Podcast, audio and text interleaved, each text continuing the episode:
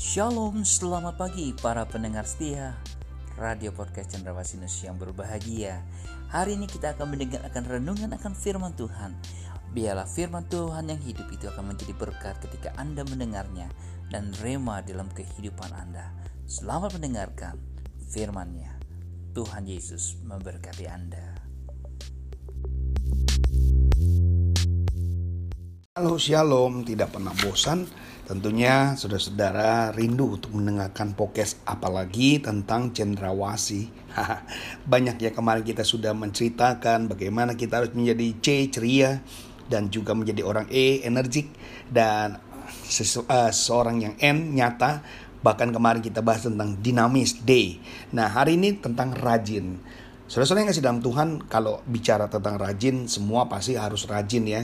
Karena ada yang katakan rajin pangkal kaya, rajin pangkal pandai. Semua orang rajin selalu ada puji-pujian. Maka kenapa kita harus rajin? Ya supaya ada pujian dan juga ada kebanggaan. Seseorang yang melahirkan anak yang rajin pasti juga bangga. Seseorang yang punya orang tua yang rajin juga akan menjadikan teladan. Sehingga ketika kita melihat banyak hal yang kita boleh uh, nyatakan banyak orang yang sudah memberikan contoh kepada kehidupan kita tentang sebuah kerajinan. Allah kita adalah Allah yang rajin. Buktinya apa?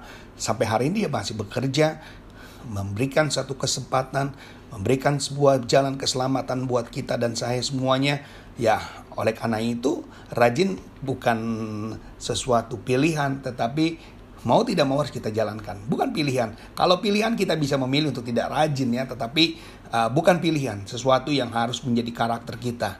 Nah, kita ambil dalam kitab Amsal 13 ayat 4. Hati sepemalas penuh keinginan, tetapi sia-sia. Sedangkan hati orang rajin diberi kelimpahan. Saya mau kita rajin baca Alkitab, berdoa, ya sehingga itu boleh menjadi sesuatu uh, kekuatan dalam kehidupan kita hanya firman saja yang menimbulkan iman. Bukankah firman Tuhan sendiri katakan iman timbul karena pendengaran akan firman. Jadi sekalipun orang punya banyak seribu banyak keinginan, ya tetapi apabila ia balas mewujudkan keinginan tersebut lewat tindakan, maka keinginan yang kita inginkan itu tidak akan membuahkan hasil apa-apa. Alias akhirnya apa? Sia-sia dan tidak menjadi kenyataan. Kalau kita penuh dengan keinginan tapi tidak disertai dengan tindakan, ini adalah ciri orang pemalas. Salah satu ciri pemalas adalah suka berdalih, banyak alasan, pura-pura, ya, masa bodoh, tidak peduli. Nah, jika ciri itu ada dalam diri kita, Bapak Ibu dengar baik, kita harus berubah dari sekarang. Kemalasan itu hanya mendatangkan kerugian buat kita. Nggak ada positif-positifnya. Kalau kita malas, nggak ada positif-positif positifnya. Jadi hari ini apa yang kita harus lakukan? Jangan pernah saudara membuang diri untuk saudara tidak melakukan apa-apa. Mempercayai Tuhan bukan hanya dengan sekedar percaya saja, tapi melakukan apa yang dia sukai, melakukan apa yang dia senangkan.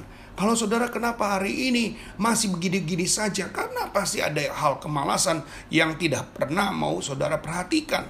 Pengkhotbah 10 ayat 18 bilang begini, oleh karena kemalasan runtuhlah atap dan oleh karena kelambanan tangan bocorlah rumah. Jadi tidak ada positif, tidak ada yang baik, tidak ada nilai. Jadi mari kita sama-sama ya, kita boleh renungkan kalau hari ini kita boleh mengambil kata dari cendrawasi yaitu R, rajin. Mari kita lakukan. Perbuat selama saudara masih punya kemampuan, perbuat selama saudara masih bisa. Karena ketika kesempatan itu berakhir, kita nggak bisa bikin apa-apa loh. Kita nggak bisa bikin buat apa-apa. Mari kita melatih diri kita Tuhan sangat menghendaki anak-anaknya untuk tidak menjadi pemalas. Ya, bahkan dikatakan juga, belajarlah seperti semut, di mana dia mencari makan pada waktu siang, pada waktu panas, ya, dan pada waktu hujan dia bisa menyembunyikan diri, dia bisa mengamankan diri dia. Nah, kenapa kita nggak melakukan hal yang sama? Ya, tadi saya sudah katakan bahwa Allah kita sampai hari ini juga bekerja yang terbukti dalam uh, Yohanes 5 ayat 17. Karena Bapakku bekerja sampai sekarang, maka aku pun bekerja juga. Sejak awal dalam penciptaan Tuhan, ya, Tuhan sudah mendesain manusia untuk bekerja. Di mana manusia kalau saudara baca dalam kejadian 2 15 di mana mereka ditempatkan untuk mengusahakan dan memelihara taman Eden. Dan itulah sebabnya Allah ingin menentang orang-orang yang malas. Kita memang menyebutkan orang yang malas yang bekerja atau orang-orang yang tidak mau berbuat apa-apa, mereka dikatakan perusak kalau kita rajin, kita rajin bekerja, kita rajin berdoa, kita rajin baca Alkitab, kita rajin menabur, kita rajin berbuat baik, kita rajin melayani Tuhan, kita rajin menolong orang lain, dan banyak hal yang kita lakukan, pasti kita akan memetik hasilnya. Ada hasil. Tidak pernah mungkin orang yang rajin tidak ada hasil. Maka hari ini saya percaya kalau sudah selama ini uh, malas untuk tidak melakukan apa-apa, tidak mau berbuat apa-apa, berubahlah dari sekarang. Tidak ada upah bagi orang-orang yang pemalas, tidak ada pujian. Kalau saudara mau dipuji, kalau saudara mau disenangkan, lakukan segala sesuatu dengan rajin. Percaya kalau saudara setengah-setengah hati, berpura-pura ataupun tidak sepenuh hati, maka hasilnya pun sudah tidak ada dan saudara hanya membuang-buang waktu. Jeripayah kita ada keuntungan. Sekali lagi, jeripayah kita ada keuntungan. Kerajinan adalah jalan untuk kita apa ya? Menuntun pada berkat dan mujizat Tuhan. Gak mungkin Tuhan membiarkan ketika kita melakukan sesuatu. Sebaliknya, kalau saudara lihat orang-orang malas, pintu berkat pun tidak akan pernah bisa terbuka buat saudara. Allah tidak akan pernah mau memberkati orang-orang yang malas. Alkitab sendiri katakan, pemalas tidak boleh makan. ya Tidak boleh makan. Lihat Yusuf, karena kerajinannya ya dipercaya, karena kerja kerasnya dia dipercaya. Bukan hanya sebagai uh, kepala rumah tangga, ya tapi banyak hal-hal lain yang hebat yang Tuhan percayakan kepada Yusuf menjadi perdana menteri di Mesir. Semua dilakukan dengan rajin. Orang rajin akan mendapatkan hadiah. Orang rajin akan mendapatkan uh, bagiannya. Dan mulailah hari ini saya percaya sudah sebagai jemaat-jemaat Tuhan di gereja Tuhan di mana sudah ditempatkan berlomba-lomba lah untuk saudara tetap rajin dalam hal apa pun. Sehingga apa?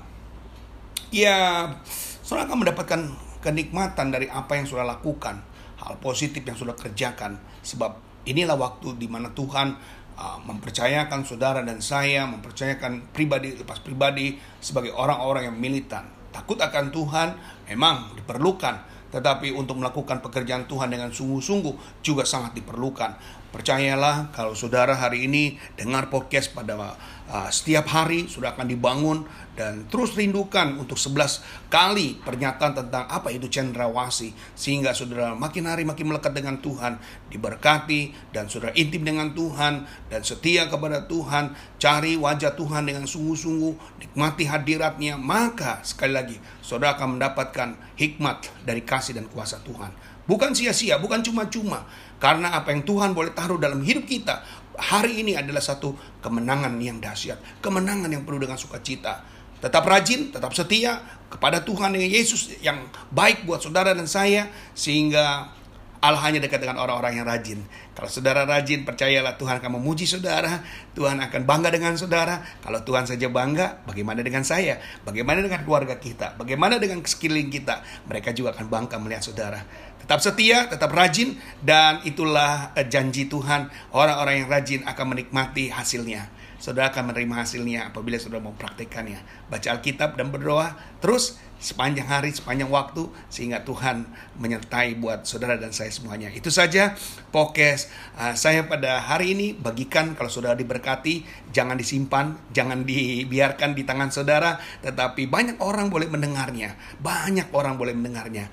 Mereka diberkati, Tuhan disenangkan. Haleluya. Shalom.